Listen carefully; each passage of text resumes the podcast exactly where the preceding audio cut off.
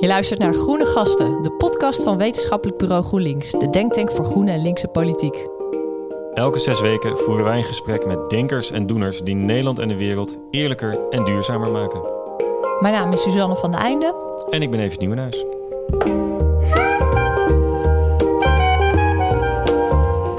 Wat mij betreft eh, nationaliseer je gewoon de hoogoven zoals het vroeger heette. Ik woonde daar in de buurt, dus ik heb daar vaak aan het strand gelegen.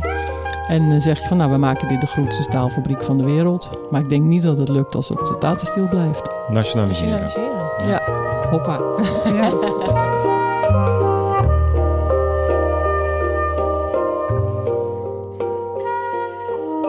Van harte welkom bij de allereerste aflevering van Groene Gasten.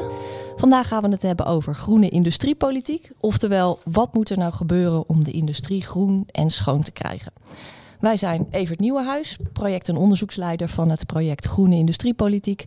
En ik ben Suzanne van der Einde, hoofdredacteur van De Helling, het tijdschrift van het Wetenschappelijk Bureau. En aan tafel onze groene gasten van vandaag, Helene Koning en Marjan Minnesma. Van harte welkom allebei. Uh, heel leuk dat jullie samen met ons het spits willen afbijten van deze podcastserie. Uh, Helene, jij bent klimaatwetenschapper en je schreef mee aan het VN-rapport over de anderhalve graad opwarming van de aarde. En als hoogleraar aan de TU Eindhoven houd je onder andere bezig met het verduurzamen van de zware industrie in Nederland. Klopt? Klopt. Fijn dat je er bent. Uh, en welkom Marjan, directeur van Urgenda en drijvende kracht achter de roemruchte klimaatzaak, die de overheid via de rechter dwingt om serieus klimaatbeleid te voeren. En uh, je hebt daarnaast een boek geschreven waarin je uitlegt hoe Nederland al in 2030, dus dat is over tien jaar, klimaatneutraal kan zijn, inclusief een veel schonere industrie. Ja, want daar gaan we het vandaag over hebben. Over de zware industrie, dus olie, chemie, staal en dat dan in Nederland en raffinaderijen. Um, en vooral hoe we die groen en schoon maken. En dat is hard nodig, want ongeveer 30% van de Nederlandse CO2-uitstoot komt voor rekening van de industrie. Dus zonder groene industrie gaan we die klimaatdoelen nooit halen. Marjan, om met jou te beginnen. Als ik naar, uh, langs Pernis rij bij Rotterdam, of langs Camelot in Limburg of naar het strand in IJmuiden ga, dan zie ik daar uh, de Nederlandse industrie in volle glorie. Maar ik zie daar dus ook honderden, zo niet duizenden enorme schoorstenen waaruit zware zwarte rook komt. En dan schrijf jij, de Nederlandse industrie kan groen en schoon worden en dan ook nog eens binnen afzienbare tijd. Leg uit, hoe ziet een schone en groene industrie in Nederland eruit? Heb je even. We hebben alle tijd. Ik denk dat het goed is om te zeggen dat het boekje uh, inmiddels al bij zijn derde versie is. Dus de eerste versie begon ik in 2012. Toen hadden we nog 18 jaar voor 2030. Dus dan denk je, nou, dat is nog redelijk te doen. Inmiddels is het 10 jaar geworden. Dus het gaat nu alleen maar als we echt een crisisaanpak kiezen. Dus op zijn normale Hollandse polderige manier gaat het hem niet worden, vrees ik. Mm -hmm. Maar ik ben alle industrieën in Nederland langs geweest met die vraag. Stel dat het op een gegeven moment moet omdat de CO2-prijs heel hoog wordt of omdat je eindelijk doorkrijgt dat het toch verstandiger is. Stel dat het moet, kan het. En uiteindelijk blijkt alles te kunnen behalve duurzaam vliegen binnen tien jaar. Nou, en dan is gewoon de vraag van waarom doen mensen het niet? Waarom doen fabrieken het niet? Dus om een voorbeeld te geven, wij maken in Nederland veel kunstmest. Dat doen we omdat wij heel goedkoop aardgas hebben. En met aardgas maken wij kunstmest. Maar je kan het ook met waterstof maken. Dan heb je geen CO2-uitstoot. Terwijl bij, waterstof, bij uh, aardgas heb je wel CO2-uitstoot. En waarom gebruiken we nou aardgas en niet waterstof? Omdat aardgas heel goedkoop is en je CO2 bijna gratis mag uitstoten. Mm -hmm. En als je waterstof moet maken, is dat nu nog duurder. Want dan moet je water splitsen, moet je met een elektrolyseapparaat doen. Daar heb je dan eigenlijk weer duurzame stroom voor nodig, want anders ben je nog de paard achter de wagen aan het spannen. Nou, dat is nu nog een duurder proces dan van aardgas. Ja. Dus of je moet als overheid zeggen, we maken CO2 heel erg duur. Waardoor een bedrijf denkt, nou ja, dan maar met waterstof. Of je helpt om die waterstofroute goedkoper te maken. Ja. Maar het is van tweeën één. Want als jij het als enige gaat doen en jouw concurrenten doen het niet en zijn goedkoper, dan gaan uh, degenen die uh, het afnemen gewoon naar de concurrent. En dat geldt eigenlijk voor elke industrie. Het kan anders, maar het is duurder dan je concurrent en dan doen ze het dus niet. Want jij zei, je bent alle, alle grote industrieën ben je afgegaan in Nederland. En, uh, en daaruit maakt je op van het, het kan. Is dat wat de, de, de, de, de directie, de leiders van, de, van die bedrijven ook zelf zeiden? Of was dat jouw conclusie? Nee hoor, ik, ik heb het gevraagd aan uh, CEO's, dus directeuren, maar ook aan de hoofden innovaties en op allerlei lagen. En in principe zeggen ze allemaal, Uh, bij sommigen moet ik dan wat doorduwen, bij anderen gaat het wat makkelijker. uh, in principe zeggen ze allemaal ja, dat zou kunnen, maar we gaan het niet doen, want dan vallen we om. Dus de technische mogelijkheden zijn er. Je kan staal ook maken met waterstof. Je kunt staal ook maken zonder steenkool, maar bijvoorbeeld door plastic in stukjes te hakken en dat terug te gooien in de hoogovens. En dan kan je daar de redoxreactie mee doen die je nu doet met steenkool. Maar ja, dan moet je dus een andere industrie opzetten. Dan moet de industrie ook gaan samenwerken. Dan moet de afvalberg gaan uh, meewerken. Dus je moet er allemaal dingen voor gaan veranderen. En dat maakt het op dit moment nog duurder. Gemiddeld wordt staal dan 10% duurder.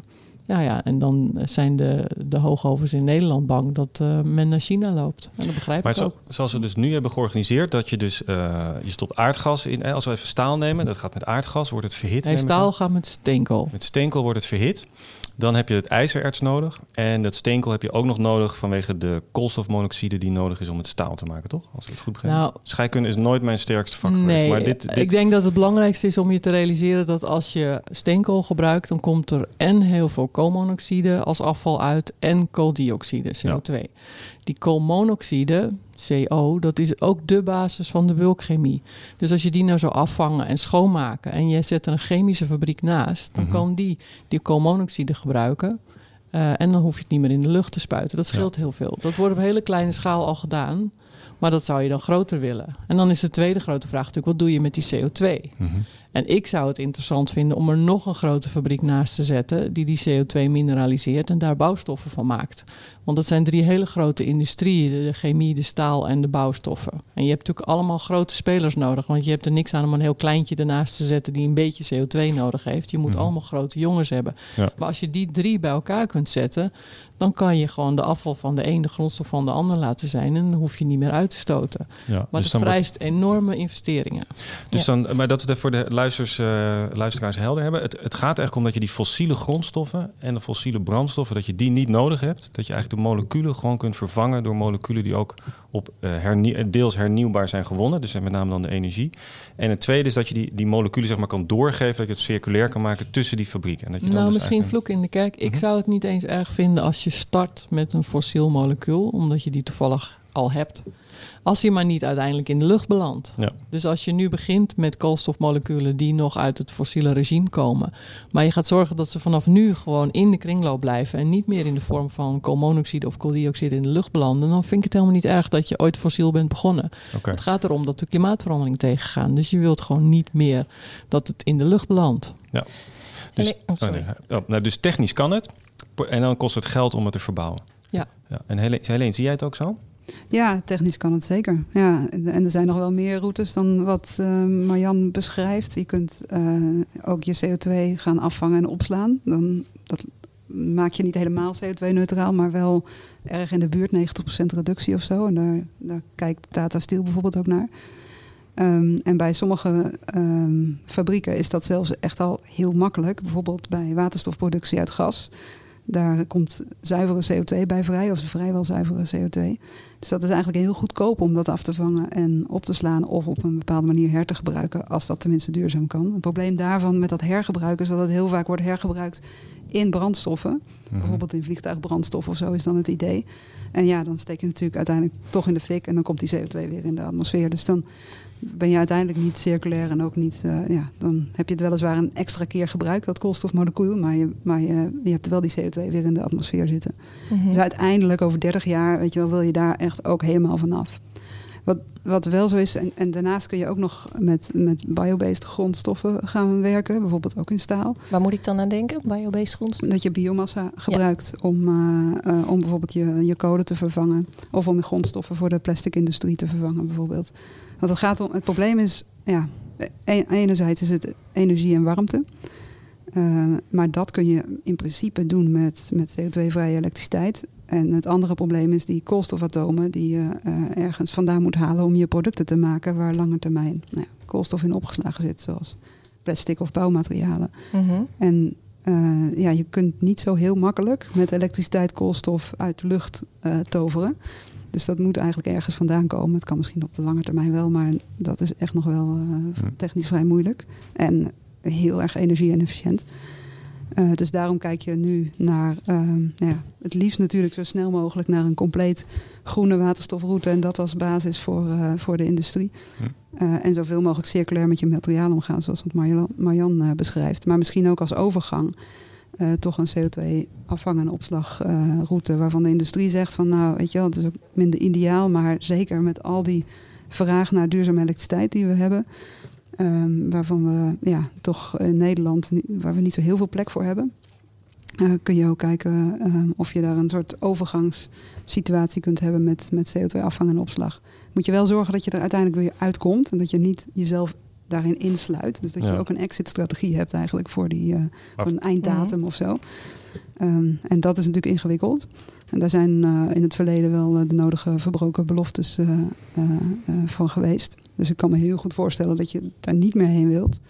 Wat bedoel je precies dan? Nou, dat, uh, kijk, we hebben voor CO2-afvang en opslag uh, een beetje een geschiedenis in Nederland. Het is ooit geprobeerd uh, door Shell bij, in Barendrecht. Um, waar de CO2 van een raffinaderij, ook van de waterstofproductie, zou worden opgeslagen in een oud gasveld. Wat net, eigenlijk net was afgesloten mm. onder Barendrecht. Ja. Daar kwam toen heel veel publieke weerstand tegen. Het hele communicatieproces was heel slecht aangepakt. Um, en, en daardoor is het eigenlijk vervolgens een beetje politiek in het verdomhoekje gekomen.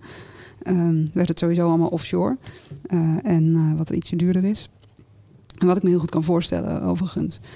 Um, maar daardoor werd er eigenlijk heel lang niet meer over gepraat. en ja, wat je wel, ja, wat je eigenlijk kunt doen met, met CCS is eigenlijk al op korte termijn. CCS, dat is die ondergrondse CO2. Sorry, ja, CO2-afvang en opslag. CCS kun je eigenlijk al op korte termijn emissiereducties uh, realiseren, mits je daar wat infrastructuur voor hebt. Maar het probleem is wel, eh, er werd in die tijd best wel veel gepraat over CCS. Dat werd dan de grote oplossing. Uh, er werden ook codecentrales gebouwd met de belofte dat daar uiteindelijk, of nou, een soort halve afspraak dat daar uiteindelijk CO2-opslag op zou komen. Ja, die kolencentrale is wel een van de ergste dingen natuurlijk, omdat men die niet wilde. En mhm. toen zijn ze gebouwd met in het contract dat er ook koolst, uh, CO2 opgeslagen moest worden. Maar dat is dan weer een beetje in de uh, uh, vergunningen zo, zo gemaakt dat er staat: ja, je moet capture ready zijn. Oftewel, er moet ergens een pijp zijn dat je in theorie het ooit onder de grond zou kunnen stoppen. Maar er staat niet in: het moet onder de grond. Dus al die nieuwe kolencentrales van 2015 en 2016, die kunnen het in theorie, maar alle drie doen ze het niet. En ze stoten ontzettend veel uit. En er zijn ook helemaal niet zo ontzettend veel uh, gasvelden beschikbaar waar je morgen CO2 onder de grond kunt stoppen. Dus als je nu daar miljarden gaat besteden om in heel veel gevallen CO2 eerst schoon te maken en dan onder de grond te stoppen, dan is maar de vraag of dat slim is ten opzichte van heel veel miljarden stoppen in het sneller opschalen van zon en wind, et cetera. Want dat boekje van ons, 100% duurzame energie in 2030, dat laat dus ook zien wat er nodig is aan zon, wind, aardwarmte om alles te doen wat nodig is om op 100% duurzame energie uit te komen. Inclusief ook het stuk voor de industrie om uh, nou, staalfabrieken te laten draaien. Mhm, mhm. En dat kan in principe in Nederland gewoon heel goed. We hebben dan iets van 3750 windmolens op land nodig van 3 à 4 megawatt. Dat betekent eigenlijk 9 windmolens per gemeente. Dus ik ben vaak bij gemeentes, zeg ik wat is je lelijkste stukje? Zet daar twee rijtjes van vijf neer, ben jij klaar. Bij het industrieterrein langs de snelweg, weet ik wat. Mhm. Maar ik zeg niet dat het overal moet. Dus als je er 200 kwijt kan uh, op de Maasvlakte bij Rotterdam, dan kun je zeggen: doe ik het in het Groene Hart niet. Uh, als je er bij in Amsterdam 100 neer kan zetten langs het Noordzeekanaal, dan kan je zeggen: ja. doe ik Texel niet. Maar het is maar 9 per gemeente. Het is 4750 op zee met de huidige grootte van 8 megawatt. Maar de eerste van 12, 13 zijn er al, dus dat kan omlaag. Maar er is zat ruimte op de Nederlandse Noordzee om dat te doen.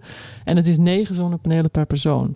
Ook daar geldt, mijn buurman heeft er 200, want die is boer. Dus als jij een appartement hebt zonder dak, hoef jij niet. Maar we hebben meer dan genoeg hard oppervlak om al die zonnepanelen neer te leggen. Dus het hoeft niet op weilanden. En het is ook niet zo dat we in Nederland het niet zelf kunnen opwekken. Wij kunnen alles hier zelf opwekken. En dan is er genoeg voor de industrie.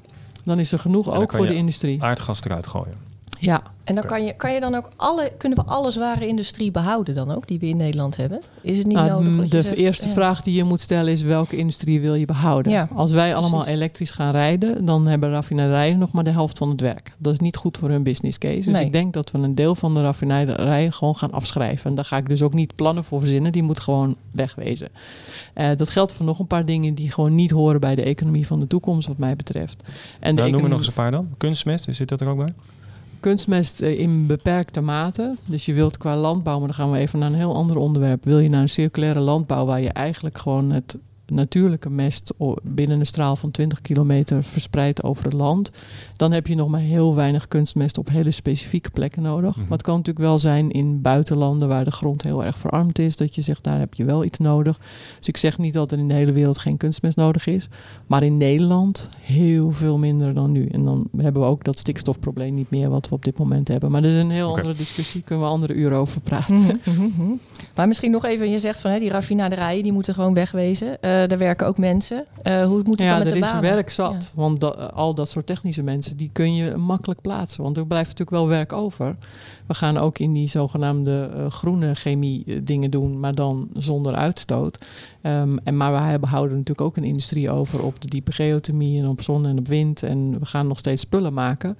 Eh, en techneuten zijn overal tekort. Dus daar maak ik mij geen enkele zorgen over. Mensen die nu bij Shell's raffinaderijen werken, die vinden zo weer eh, werk. Hm. Het zijn er ook niet zo heel veel hè, die in de raffinaderij Het werken. valt allemaal heel erg mee. Wel, maar goed, allemaal banen. Maar um, Helene, ken jij ook eh, voorbeelden in het buitenland waar het al gebeurt? Waar je die transformatie goed ziet en dat je denkt, kijk, daar kan Nederland nou iets van leren.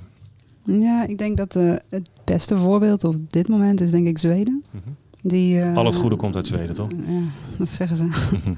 Die eh, ehm, ja, heel erg progressief zijn in hun klimaatbeleid. Ze hebben een doelstelling om klimaatneutraal te zijn in 2045. Niet 2030, maar goed, het is een, wat beter dan wat Nederland in de klimaatwet op heeft geschreven. Ehm, ze hebben de beschikking over heel veel biomassa van eigen bodem. En dat helpt hem met een verwarming van huizen. Ehm, en ze hebben net een, nou ja, de eerste waterstofgebaseerde staalfabriek. Ja, ehm, dat hybrid, ja, hè? Ja, precies. Ja. Als, als eerste eh, opgestart. Dus die zijn echt heel serieus bezig met een, eh, met een industrie.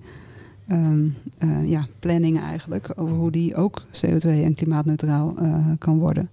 Voor de rest zijn er ehm, bij mijn weten niet zo heel veel landen die daar echt eh, net zo hard mee bezig zijn als Nederland. Waar Nederland de afgelopen paar jaar, ik denk ook mede door druk van, van de agenda, ehm, maar ook door het Parijsakkoord en dergelijke, ja, echt wel eh, stappen heeft gemaakt. Het is nog niet genoeg om onder de anderhalve graad te blijven. Dus om de Parijsdoelen te halen. Maar het komt wel steeds meer eh, in de buurt. Dus in die zin, ik zit in een paar van die Europese netwerken. En daar is het wel eh, ja, duidelijk dat, dat iedereen naar Nederland kijkt van oké, hoe loopt het daar en wat kunnen, wat kunnen, Ja, kunnen ja. wij doen? Ook, ook Duitsland bijvoorbeeld. Echt waar? Eh, Nou, op Ja. kleine schaal wordt natuurlijk ook ArcelorMittal net over de grens Ja. in België. Die werkt samen met Dow Chemicals. Dus de koolmonoxide van Arcelor wordt dan gebruikt voor de plastic maken bij, bij Dow. Dus dat is zo'n voor, voorbeeld, kleine schaal. Eh, waarvan ik denk, ja, dat zou je kunnen opschalen. En daar heb je wel een overheid voor nodig om daar snelheid te maken. Maar Nederland zou daar dus een soort koploper in kunnen zijn. Wordt ook al zo'n beetje gezien, zeg jij, Helene. En nou heeft de minister Wiebes van eh, Economische Zaken en Klimaat laatst een brief naar de Kamer gestuurd. Dat was een, een kabinetsvisie staat erin, dus het hele kabinet staat daar dan achter. Over hoe de Nederlandse basisindustrie, zoals zij het noemen, in 2050 eh, eruit moet zien. Die moet dan eh, klimaatneutraal en circulair staan. En dan zegt Wiebes ook, ik ken niet de woorden exact uit mijn hoofd, maar wel in, in ieder geval dat Nederland daar een uitgelezen positie voor heeft. ehm, om inderdaad groene koploper van Nederland te worden. En dat zit dan in de infrastructuur en eh, de Noordzee en, en, en, en kennis en noem het maar op.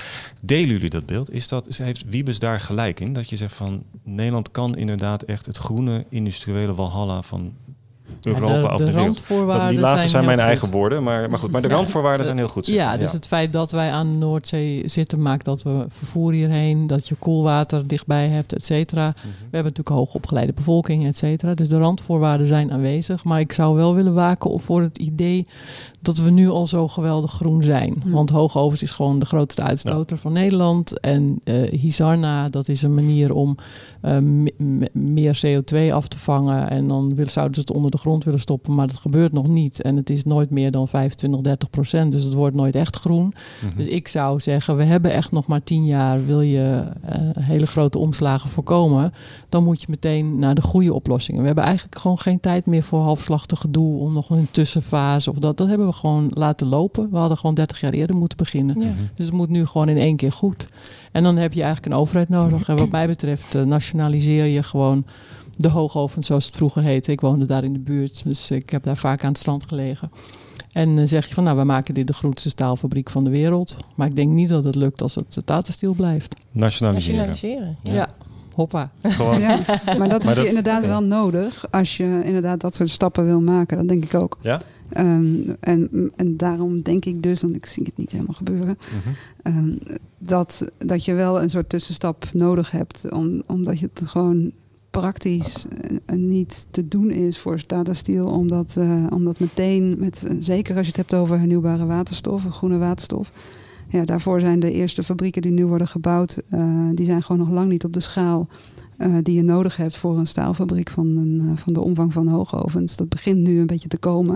En Maar het wordt kan nu wel steeds in meer tien opgezocht. jaar. Het is namelijk heel modulair om electrolyzers te maken waarmee je water eh, splitst in waterstof en zuurstof. Mhm. En die bestaan ook al lang al. Hè? Dus eh, Axo, nu Nourion, maakt ze van zeg maar 10 megawatt. En die heeft de eerste van 100 megawatt in de planning staan. En daar moet je er dan gewoon een hele reeks van achter elkaar zetten. Dus ik, het is, ik niet kou dat, nog een... of- eh, Sorry, Suzanne. het is niet dat het technisch niet kan of zo. Het is vooral wil je het. En Nou dat vind ik dan in die coronatijd het enige aardige daaraan. Dat je ziet hoe snel iets kan veranderen. Dat Jan en allemaal ineens mondkapjes kan maken. Of dat studenten ineens eh, beademingsapparatuur gaan maken. Nou, die sfeer moet je ook krijgen rondom klimaat. En dan kan het wel degelijk. Dus zeggen van ja, zo hebben we het nog nooit gedaan. En eh, daarom duurt het nog 30 jaar. Dat, dat is wat iedereen doet. Ja, daar wil ik me eigenlijk niet bij neerleggen. Want dan zeg je eigenlijk ook, dan wordt het gewoon 2 graden. Dan is al het koraal dood. Dan is de Noordpool weg in de zomer. Dan hebben we gewoon honderden miljoenen vluchtelingen in de wereld. En is, wordt het een klerenzooi. Hm. Ja, want jij zei, wat jij in het begin zei, van eh, iedereen, het technisch zou het moeten kunnen. Alleen de, de, iedereen kijkt naar zijn buur, naar zijn concurrent die het ook nog niet doet. En, en iedereen wacht daarin op elkaar. Ja, Dus- daarom heb je een overheid nodig. ja. Want in het begin van de agenda hebben wij natuurlijk geprobeerd de eerste vijf jaar lekker om de overheid heen te lopen, want je gaat veel sneller zonder. Maar als je gewoon in tien jaar een mega-overgang, een- echt een transitie die je zeg maar twee keer sneller doet dan normaal. Dus je moet, het is ook niet een gewone transitie. Het is eigenlijk gewoon een crisisbehandeling. Moeten ze het ook, aan, moeten ze het ook zien als de COVID-crisis? Moeten ze het ook zodanig aanpakken? Absoluut. Dat is de enige manier om eh, die anderhalve graad nog ergens in beeld te houden Ja. en onder de twee te blijven. Ja. Want we koersen nog steeds af op drie. Ja. En, en dat is eigenlijk stap één. Dat als je niet die urgentie tot in al je vezels voelt, waar ik wel helaas last van heb. Als je niet voor je ziet van dit gaan mijn kinderen de tweede helft van deze eeuw meemaken, dan denk je dat je nog hebt tot 2050. Ja. En dat hebben we gewoon niet. Nee. Dus Maar wat, ik- sorry. Nee, ga, ga je.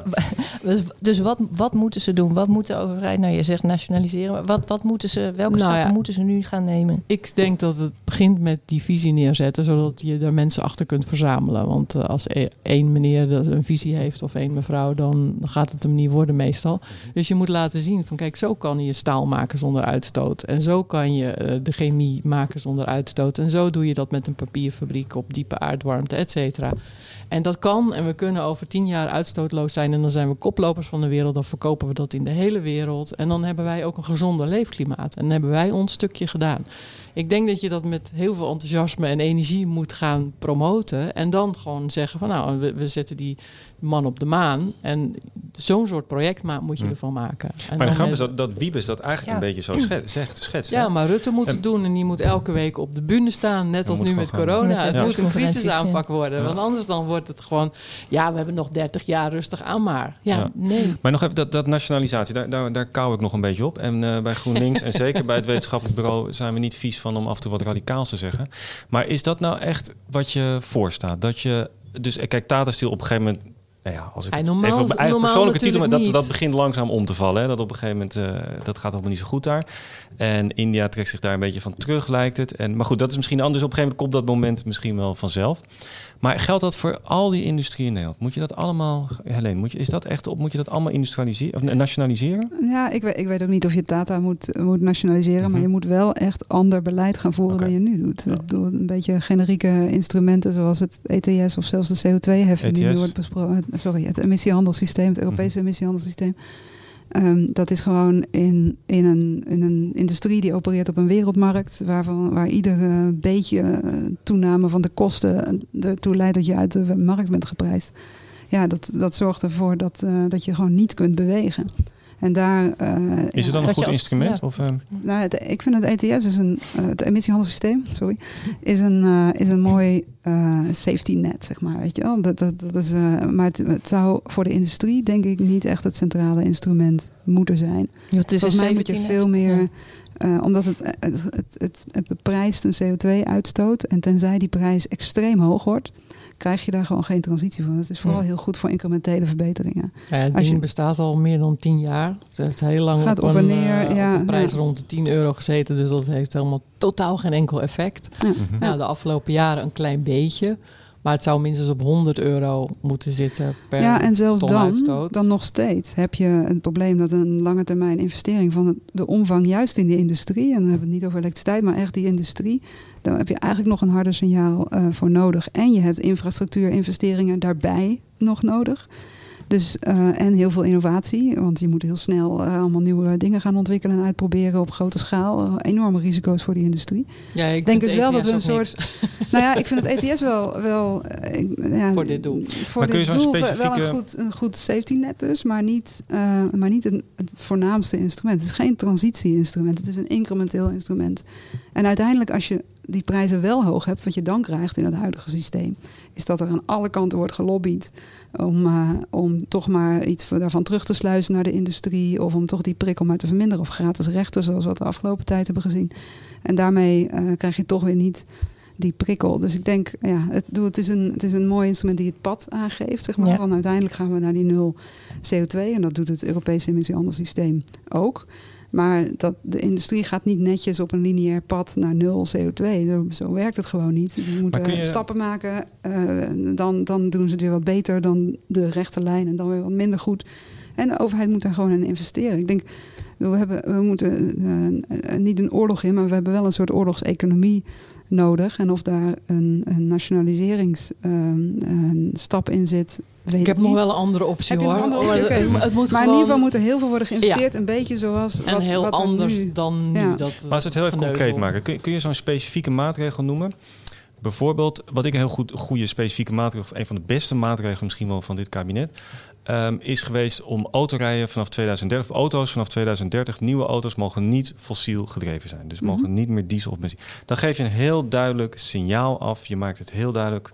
En dan denk ik ook, nou, als je dat alleen met hogere brandstofprijs had gedaan, zeg een CO2-tax op brandstof, dan was het niet gebeurd. Er is ook een soort specifieke keuze gemaakt die dwingt.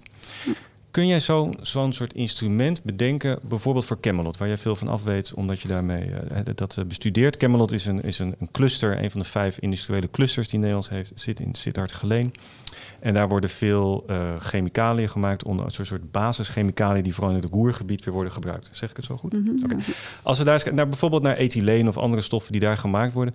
Wat, wat is daar de maatregel, de specifieke maatregel die jij graag zou willen zien naast die CO2-tax? Ja, nou, ik denk dat je... eh, ik ga geen specifieke maatregel Mhm. noemen. Omdat je voor die industrie, als je ervan uitgaat dat je de boel niet nationaliseert... moet je altijd een, een, een pakket aan maatregelen hebben. Je moet investeringen hebben in, in innovatie. Dat er echt iets wordt geprobeerd daar. Dat er eh, een ondernemerschap eh, op kan staan om... om, om nieuwe dingen uit te proberen. En dat het risico daarvan gedeeltelijk wordt genomen door de ondernemer, maar ook gedeeltelijk misschien publiek wordt. Er moet infrastructuur worden aangelegd. En dat zit in, Nederland nog wel echt in publieke handen. Dus of het nou hebt over waterstof of CO2-infrastructuur. Maar er moet in, in infrastructuur geïnvesteerd worden. En dan vervolgens moet er eh, daarbij worden gekeken van nou, hoe, hoe leg je de prikkel neer om je grondstoffen circulairder te maken. En om, uh, um, uh, om die CO2-uitstoot uh, zo snel mogelijk naar nul te brengen. Maar het zal altijd een pakket van maatregelen zijn. Het is, er is niet één silver bullet, zoals ze Mhm. zeggen in het Engels, die, zoals een, een CO2-prijs of zo, die de boel kan oplossen. Dat, maar stel het is dat te je complex wel daarvoor. eist van per 2030 geen uitstoot meer naar de lucht. Mhm. Punt. Ja. En dan zou je als Europa moeten zeggen, uh, onduurzaam staal zetten we een heffing op. Ja. Zodat je ook niet uit de markt geprijsd wordt door anderen. Dus als we zeggen gewoon geen uitstoot meer en we gaan helpen met uh, investeringen, et cetera. Dan weet je wel waar je aan toe bent. Over tien jaar moet je er zijn, dus dan moet het versneld. Dan moet je als overheid echt wel gaan helpen. Want niet elk bedrijf zal die investeringen kunnen ophoesten. Voor Gemmelat zal mijn vraag ook zijn: moet hij daar blijven zitten? Moet, moet een chemisch cluster niet gewoon aan de kust? Want als je straks heel veel waterstof wil gaan maken met windmolens die op zee staan, misschien wil je dan niet dat ook nog het hele land doortransporteren. Dus dat zou een open vraag van: nou, we willen het duurder omdat we per se daar werkgelegenheid willen, of we willen het goedkoper en we doen het in Zeeland. Zeg maar even wat. Paar knuppels in het hoenderhok voor Ja. een gezellige discussie. Ja, ja. Uh, maar ik denk een, een heel concreet doel over tien jaar. En dat mag dus, wat mij betreft, nu een extreem doel zijn, omdat ook de gevolgen extreem zijn als klimaatverandering doorzet. Dan weet je gewoon waar je over tien jaar aan toe bent. Leg het desnoods vast in een wet, ondersteun het en zorg dat je importheffingen hebt op de concurrentie die het nog onduurzaam blijft doen.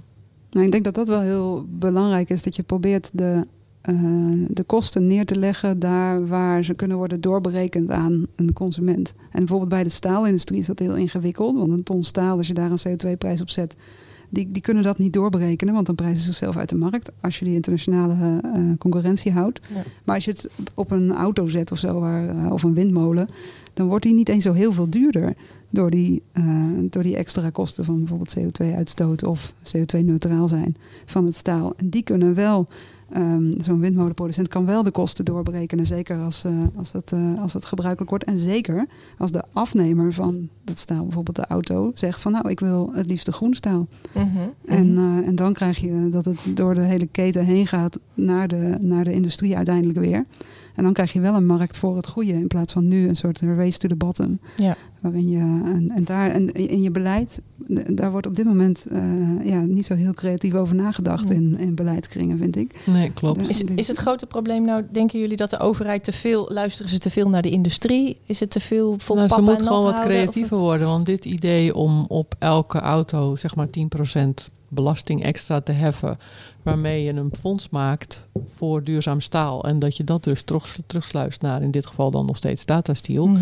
Dat was een van de opties die wij ook hebben neergelegd. Dus je moet veel creatiever bedenken van waar kan ik dan de prijs omhoog doen om te laten zien van nou zoveel duurder wordt het als je het echt zonder uitstoot wil doen. En sluis het dan terug naar degene die dan staal gaat maken zonder uitstoot. En zodra Mercedes alleen nog maar staal koopt zonder uitstoot, hoeven ze ook die tax er niet op te doen. Maar zodra ze onduurzaam staal gaan kopen, dan zit die er wel op.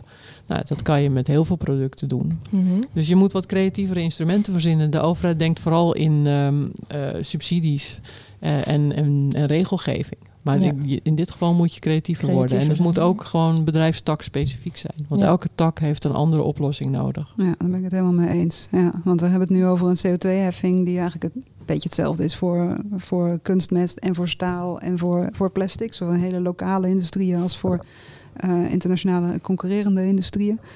Um, die allemaal een ander profiel hebben, een andere, andere vraag eigenlijk. En uh, ja, dat, uh, dat, dat is wel echt een probleem. Want daardoor krijg je uh, een beetje het verwijt, de industrie verdwijnt. Wat helemaal niet zo is. Weet je wel? Sommige nee. industrieën hebben er echt heel veel last van. Andere industrieën kunnen het prima leiden. En daar, uh, ja, daar, begint echt een, uh, dat begint echt een probleem te worden. Ja, ja. En, en um, welke speelruimte heeft die industrie nou eigenlijk? Want we hebben het nu gehad over wat de overheid uh, moet doen. En, en dat die toch wel een hele grote, ja, een hele belangrijke speler is om die transitie aan te jagen. Wat moet en kan de industrie? Ze hebben het soms te maken met buitenlandse hoofdkantoren, allerlei internationale markten, productieketens. Wat, wat, wat verwachten, wat is realistisch om van hun te verwachten? Of wat, moeten we, wat mogen we van hun verwachten? En dat is heel ook bedrijfstak specifiek. Als je hier papier maakt, dan kun je gewoon zelf nadenken over... nou, ik ga over op diepe aardwarmte en dan ga ik het aardgas eruit duwen... en dan ga ik het op die manier doen. En dat papier dat wordt meestal gewoon uh, redelijk in de buurt verkocht en dat kan je goed regelen. Maar zo'n speler als Tata Steel zit in een totaal andere markt. En die wordt ook gek van een overheid die elke zoveel jaar weer iets anders verzint. De meeste bedrijven willen graag voor een termijn van 10 jaar weten, of 20 liever natuurlijk, waar ze aan toe zijn. Het liefst ook vastgezet in wet. Want anders dan bij elk kabinet wordt het weer anders.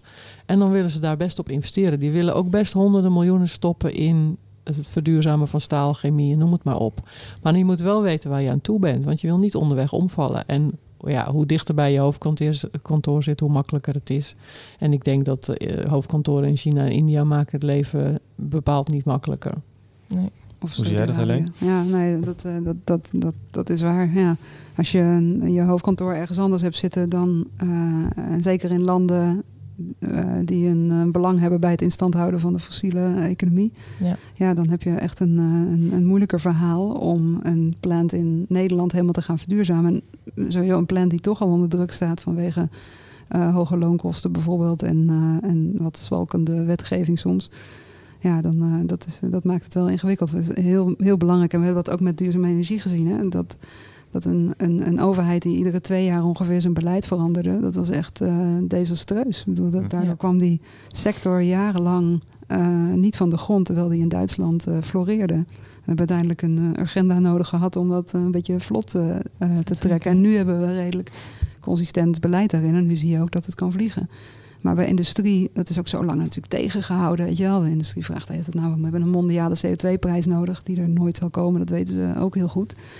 En, en daardoor, uh, ja, daardoor verlam je, ja, precies, daardoor verlam je de zaak. Uh, en, en ook wel, uh, dat is ook echt een probleem. die begint nu een beetje te veranderen. Maar die informatieasymmetrie tussen de industrie en de overheid. Als de, industrie, als de industrie de overheid kan vertellen: ja, sorry, maar dit kan niet. Mm -hmm. En de overheid heeft gewoon te weinig technische expertise in huis om daar een weerwoord op te hebben. Die slikken dat, kan wel. Koek. Ja, ja nou, ik denk niet dat, dat het zo. Maar die, ja, de overheid is natuurlijk redelijk uitgekleed de laatste tijd. En, en het zijn vooral procesmanagers geworden met weinig inhoudelijke kennis. En ja, dat is wel een probleem als je, als je weerwoord wil geven. En als je af en toe eh, impopulaire uh, besluiten wil nemen. Mm -hmm. Dus dan, uh, dan, ja, ik zal niet zeggen dat de Nederlandse overheid speelbal is van de industrie, maar ja, er was wel een probleem in, uh, in kennis. Ja. En zelfs in de wetenschap, uh, ja. ik kom er zelf ja, uit, maar er zijn niet zo heel veel wetenschappers die zich echt diep bezighouden met de industrie. Dat is een van de redenen dat ik me er een beetje ben gaan bezighouden. Maar het is gewoon een ingewikkelde sector. Voordat je het een beetje snapt, ben je echt een paar jaar verder. Ja. Uh, dus, dus een, uh, ja, dat, ja, daar zit ook nog, nog wel een ding. Overheid en bestuur heeft weinig beta's. En ja. dan ook nog om de zoveel jaar word je van functie gewisseld. Dus dan ben je net een beetje thuis. En weet je ook van, nou, die is altijd aan het overdrijven. En die kan ik wel vertrouwen. En dan krijg je weer een nieuwe. Dus dat schiet niet echt heel erg op. Dus meer beta's in de regering. Dat sowieso. En in de politiek. Waar ik nog een beetje mee worstel is... Um, we hadden het net al een beetje over... Als die industrie dan weggaat, hè, hoe erg is dat dan? Ik, ik eigenlijk een beetje op twee gedachten. Ik ben er nog niet helemaal over uit. Aan de ene kant kan je zeggen, al die industrie blijft hier en we maken ze knalgroen. Je kan ook denken, zelfs dingen als uh, raffinaderijen, nou goed, voor een deel sterven die vanzelf uit, maar bijvoorbeeld kunstmest, kan je zeggen van ja, als wij dat hard aanpakken, dan, want ik geloof dat 79% van wat er gemaakt wordt in Nederland aan kunstmest is voor de export. Um, als we dat dus hard aanpakken en echt gaan vergroenen, dan gaan ze misschien weg. Dan gaan ze op andere plekken dat maken en dan heb je er ook geen grip meer op. Dus is daar dan het klimaat bij, bij gemoeid? Dus waar ik een beetje tussen zit, aan de ene kant kan je pragmatisch zijn, bijna een soort burgemeester in oorlogstijd, die zegt van nou, we moeten ze hier houden en zo goed mogelijk doen.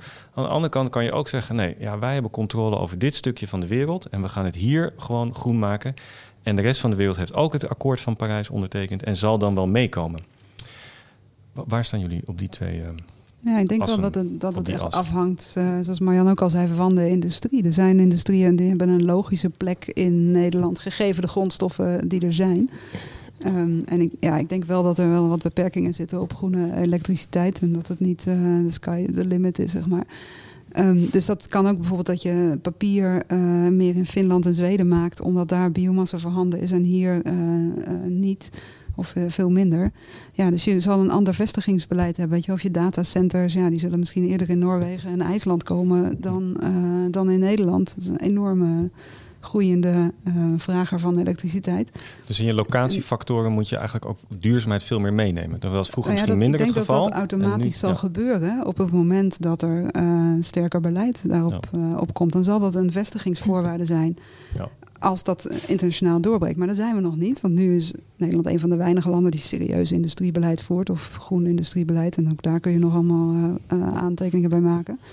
Maar um, ja, zolang Nederland dat doet, zul je toch iets moeten doen om die industrie te verleiden om hier te blijven. En of dat is uh, dat ze inderdaad via uh, een of andere het recyclen van een, een, uh, een heffing op iets verderop in de keten, dat ze die innovatie zelf kunnen betalen. Of dat dat is dat je hier de nieuwe technologieën die later elders in de wereld worden uitgerold, dat je die hier alvast kunt testen. En daarmee als, weet je wel, als, als internationaal Pionier, ja. ja. precies, dat je het hier alvast kan doen met wat staatssteun of wat, wat, wat andere steun.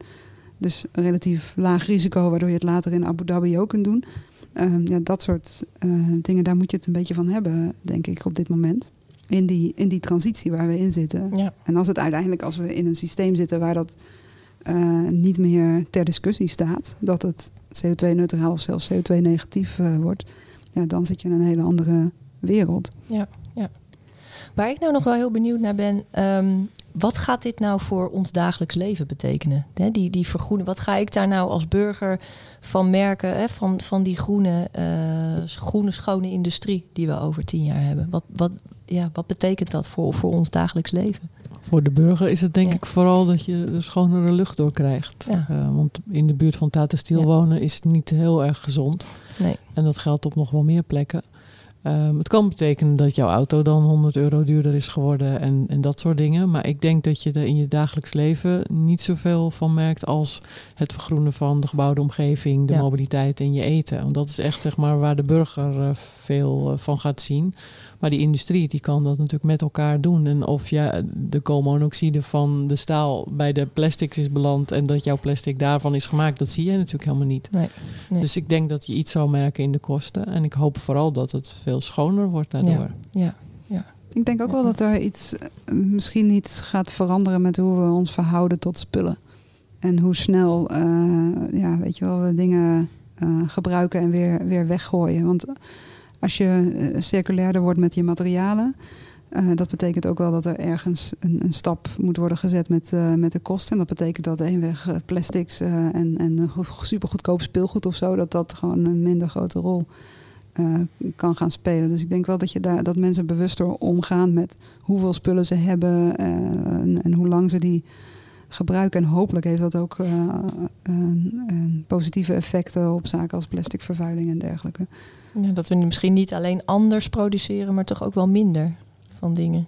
Nou, dat Ja, zou je in ieder geval heel graag willen. Ja. Ik denk niet dat het automatisch gebeurt doordat je anders produceert hoor. Maar ik denk wel dat eh, de tijdgeest zo is dat we steeds meer commentaar krijgen op onze manier van leven. En zeker om dingen niet één keer te gebruiken en dan weg te gooien. Maar ook die plastic soep en al dat soort dingen is een beetje achter in ons bewustzijn gekropen. En ik denk dat wij allemaal hopen dat we dan langzaam daar ook wat zorgvuldiger mee omgaan. Maar ik denk niet dat dat komt door de Nee. industrie te Nee. vergroenen. Ik denk wel dat dat eh, in de nieuwe tijdgeest nou ja, hopelijk logisch is dat we die kant op gaan. Ja, ja. Oké. Nou zijn er weinig dingen zeker in het leven. Maar wat wel zeker is, is dat GroenLinks eh, in de volgende regering komt. en ehm, stel nou je wordt minister in, eh, in de regering. Wat, ga je dan, wat zijn de vijf dingen? En je wordt minister van eh, Groene Industrie. Want we Hey. moeten meer betta's in de regering. Dus Precies. dat gaat sowieso ook gebeuren. En welke drie, drie dingen, of vijf dingen, of vier dingen... zou je nou in je eerste honderd dagen doen? Wat zeg je nou echt van, nou dat, dat moet gewoon morgen, moeten we daarmee gaan beginnen? Helene.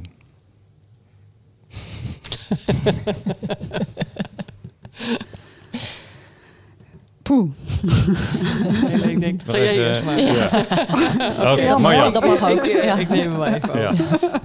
Nou, ik, ik zou beginnen met ehm, klimaatverandering tot een crisis verklaren. En elke week, zoals Rutte nu op coronagebied doet, elke week, elke vrijdag gewoon eh, een uur op tv gaan om uit te leggen. En dan niet alleen maar eh, wat er moet gebeuren, eh, dingen die mensen niet zo leuk vinden. Maar ook, kijk, de- deze, dit nieuwe product is er. Of kijk, dit nieuwe initiatief is er. We kunnen nu melk maken zonder koeien. Nou, et cetera. Er zijn heel veel dingen gaande die je ook vrolijk kunnen maken. En ik denk dat het goed is om dat ook onder de aandacht te brengen. En dan denk ik dat het daarnaast heel belangrijk is dat je een aantal doelen gaat zetten voor 2030, wat mij betreft. Omdat dat de enige manier is om eh, serieus te laten zien dat je aan die anderhalve graad wil werken. En die zijn dan heel groot, maar je weet wel, we hebben nog tien jaar. Dus dat kan dan zijn, eh, industrie wordt uitstootloos, we rijden allemaal elektrisch. En eh, als je cv-ketel kapot gaat, dan is je volgende ding geen cv-ketel meer, maar een warmtepomp.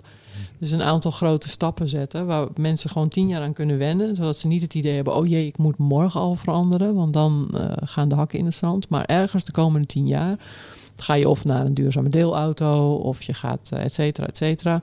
Maar of in 2030 is de wereld echt anders geworden. Ik denk dat dat heel belangrijk is om dat wekelijks uit te drukken en ook vorm te geven in eh, de hele grote doelen voor 2030. En dan te En- helpen. Heb je dan ook wat specifieke maatregelen waar je dan die zware industrie mee eh, vergroent? Of versnelt, die vergroening versnelt?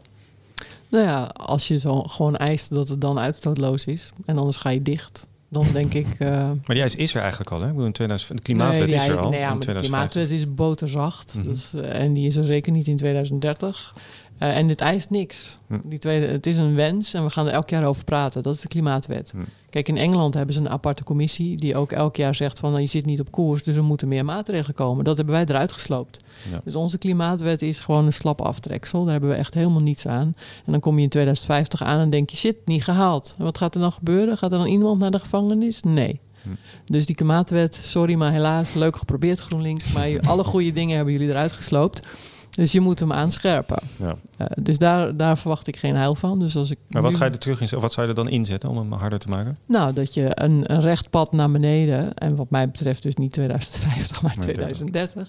En dat je ook elk jaar monitort. Van, eh, zit je op het pad? En zitten we niet op het pad? Oké, dan moeten dus extra middelen en dingen bij. Je moet heel scherp gaan sturen en ook bijsturen. Kijk, wat het effect is geweest van onze klimaatzaak, is dat de overheid dit jaar 25% moet verminderen. En nu komt er allemaal geld en worden er dingen in de regelgeving veranderd en komt er een paar miljard bij de SDE, subsidie en noem het maar allemaal op. Dat had ze anders echt niet gedaan. Maar er moest iets. Nou, en zo'n wetgeving moet dus moeten uitdrukken. En eh, een pad naar beneden met instrumenten. En eh, als we het willen, daarom heet het boekje van ons zo, dan kan het. Maar we moeten het eerst gaan willen. En dat hangt alles samen met urgentie. Dus daarom elke week de bühne op om uit te leggen van jongens, we koersen af op drie graden. En dit is het gevolg. Wil je dat? Nee? Oké, dan gaan we er nu wat aan doen. En dan mag het beste met een gezellige opgewekte toon. Maar het moet wel gebeuren. Heb je al iets bedacht? Nou, eh, eh, klimaatwet aanscherpen, ja. Ehm, want inderdaad, er moeten tanden aan, anders dan eh, gebeurt er toch te weinig. Dat zien we nu inderdaad ook. Ehm, eerder klimaatneutraal worden, eh, ook ja. Eh, want met een 95% in 2050 zijn we gewoon niet consistent met het Parijsakkoord. In ieder geval niet met de geest ervan, dat rijke landen eerst handelen. Ehm, ik denk dat het, eh, ehm, eh, of dat 2030 wordt, mm, mm, maar 2040 zou ook al heel mooi zijn. Ehm, ik denk echt naar eh, een, een, een sterkere overheid, maar inderdaad wel een overheid die mensen meeneemt. En of een wekelijkse persconferentie, of dat de tweede keer nog evenveel mensen trekt als de eerste keer, ik weet het niet. Maar in ieder geval, in ieder geval wel daar creatiever in zijn. En, en met onderwijsprogramma's, met omscholingsprogramma's, met bedoel, we hebben ook echt heel veel mensen nodig die andere dingen gaan doen, weet je, die een ander soort werk hebben en, en die eh, allemaal milieuwerkers worden eigenlijk, weet je, die allemaal gaan bijdragen met hun werk aan, aan, een, eh, aan een betere wereld in plaats van nou ja, daarnaast fossiele brandstofsubsidies afschaffen eh, natuurlijk, ook echt over de hele linie, ook een hele belangrijke en eigenlijk een no-brainer. Ehm, eh, en ja, ik denk toch wel dat, dat zeg maar dat materiale paspoort en hoeveel Wat is dat? Ehm, ja, eigenlijk dat je in ieder geval qua koolstofuitstoot eh weet eh, wat er eh, gebeurt in ieder product. En ook misschien waar het, waar het vandaan komt, uit, uit welk land en wat dat voor consequenties heeft. En dat proberen te beprijzen, de opbrengst daarvan terugsluizen naar, naar veel sterkere innovatieprogramma's. Je kijkt naar wat er nu wordt geïnvesteerd in bijvoorbeeld uh, de mooie regeling voor de industrie, is het gewoon echt bijna niks. Weet je wel, er kunnen misschien vier projecten worden gerealiseerd en we hebben er twintig nodig om maar een beetje in de buurt te komen. Dus dat wordt uh, ja, dus daar veel ambitieuzer programma op. Maar dat is industrie ja. specifiek. Dus dat, dat, ja, maar dat zijn hele concrete dingen die eigenlijk helemaal niet zo raar zijn of onhaalbaar. Volgens mij uh, is het inderdaad gewoon een kwestie van, van, van politieke wil. En één ding wil ik nog wel toevoegen. En dat heeft te maken met het buitenland. Uh, en met name met de zich ontwikkelende landen.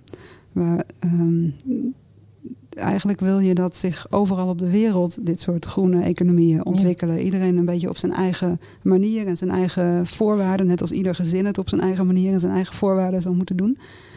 Um, maar daar is Nederland nu, ja, vind ik, heel mondjesmaat maar mee bezig. Terwijl we een van de rijkste landen van de wereld zijn. En, een, en veel meer ons solidair zouden kunnen verklaren met een aantal landen om hun te helpen met het opzetten van een uh, veel duurzamere uh, industrie. Dus dat, Hoe zouden ze dat moeten doen bijvoorbeeld? Door, uh, nou ja, um, in ieder geval door te stoppen met uh, exportsubsidies die, die leiden tot, tot alleen maar, weet je wel, voor Nederlandse bedrijven ja, investeren in fossiele dingen. Ja. Dat, dat, is, dat, is, dat is weer een van die, die no-brainer categorieën, zeg maar. Maar je kunt ook actief gaan samenwerken, uh, kennis gaan overdragen. Nu werkt het, uh, de havenbedrijven van Nederland werken samen met havenbedrijven elders om daar te helpen met, een, met fossiel gebaseerde havens op te zetten. Die er vervolgens daar weer tientallen jaren, uh, misschien wel langer staan. Ja. En dat, ja, dan, dan lok je jezelf ook in in, uh, in, in paden. Want ja, het is geen excuus om niks te doen. Maar als we in Nederland uh, het heel erg goed doen en de rest van de wereld doet niks, dan, uh, ja. dan zitten we nog steeds op die drie ja. graden. dus we moeten daar een veel actievere klimaatdiplomatie op hebben. Die ook die niet alleen maar over praten gaat, maar ook echt over investeringen. Ja. En ik denk dat we daar veel meer kunnen doen om ja, uh, onze investeringskracht eigenlijk in te zetten en onze kennis in te zetten om andere landen te helpen. Ja. In plaats van alleen maar als concurrenten te zien die, uh, die onze banen gaan afpakken. Ja. Ja. Ik denk dat er gewoon in het hele klimaatprobleem dat we met die hele concurrentiegedachte. Ja, waar we mee eh, begonnen dat al. We, hè? Dat, dat, dat, we daar helemaal niet verder mee nee. komen. Uiteindelijk moet je gewoon naar samenwerking toe. Ja. En dat proberen ze in de UNFCCC en in het Parijsakkoord en dergelijke. Maar ja, dat komt nu dankzij die extreem geglobaliseerde uh, markten heel weinig van terecht. En ja, daar moeten we toch uiteindelijk. Uh, ja, ik denk dat we het gewoon samen moeten doen, anders komen we er niet uit. Nee, nee, nee. Mooi. Gaat het lukken uiteindelijk? Schoon in de Nederlandse industrie, dus het kan, maar dan praktisch is het ingewikkeld, ook waar een beetje mee begonnen. Als je gewoon heel, als je zo realistisch mogelijk probeert te zijn. En sommige dingen zitten een beetje mee. We krijgen een paar goede ministers, et cetera. Maar denk je dat het gaat lukken? Ja, dan kan het wel lukken. Ja. ja, ja ik ben er wel hoopvol over. Ik zal niet zeggen dat ik, dat, dat, ik ben niet optimistisch of zo. Want het, is nu nog maar beperkte tekenen. Maar uh, de, er zijn wel hoopvolle signalen. De industrie is er niet compleet afwijzend over meer. Um, de raffinage die, die snapt ook dat ze, uh, dat ze een beperkte levensduur hebben. Of dat ze heel erg moeten gaan veranderen. Willen ze erin blijven. De andere industrie wil, wil veranderen ja, de, de, de vraag is, uh, zet je de, de kaders op zo'n manier of, uh, of neem je ze helemaal over? Ja. en jij Marjan, hoopvol? Uh, het moet. Optimistisch? Dus um, ja, als, als ik niet hoopvol zou zijn, dan zou ik nu op mijn rug gaan liggen huilen. Dus dat lijkt me gewoon niet heel handig. Het kan en, en dus moeten we er alle kracht op zetten om te zorgen dat het ook gebeurt. Ja. En het rare is dat iedereen het eigenlijk wel wil. Al die CEO's van grote bedrijven willen zelf wel zeggen ook allemaal... ja, ik heb ook kinderen. En toch is het systeem zo ingericht dat het bijna onmogelijk wordt gemaakt om de draai te maken. Dus we moeten dat systeem veranderen met z'n allen.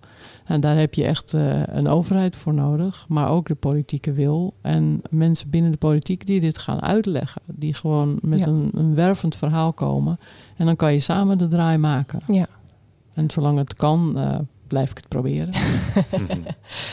nou, met deze optimistische woorden sluiten we af. Heel erg bedankt voor jullie komst. Uh, Marjan Minnesma, Helene de Koning. Veel van jullie geleerd. En luisteraar, uh, heel fijn dat je luisterde. We hopen dat je uh, je ook hebt laten inspireren. En wil je op de hoogte blijven van het project Groene Industriepolitiek van het Wetenschappelijk Bureau? Ga dan vooral naar wbgl.nl/slash GIP. Daar lees je alle, alle ontwikkelingen en artikelen die daarover worden gepubliceerd. En als je op de website bent, ga dan ook even naar het tijdschrift De Helling. Want in het winternummer komt er een special over groene industriepolitiek. Nou, dan ben je op die website en dan blijf je daar nog even hangen. Want wij horen heel graag wat je van deze podcast vindt. En hoe jij denkt dat Nederland uh, de groene industrie zou moeten krijgen die het verdient. Dus uh, kijk dan ook even op wbgl.nl slash podcast. En laat daar even je reactie achter uh, op deze eerste uitzending. Goed, tot zover de dienstmededelingen. Over zes weken zijn wij er weer. En dan praten we met een andere groene gast. Dat is econoom Rutger Hoekstra. En hij vertelt over het machtigste cijfer ter wereld, het BBP. En waarom we een eerlijkere en schonere wereld krijgen als we het BBP afschaffen. En laat dat nou precies zijn waarom wij op de wereld bestaan. Om een schonere en eerlijkere wereld te maken. Hartelijk dank voor het luisteren. Dankjewel.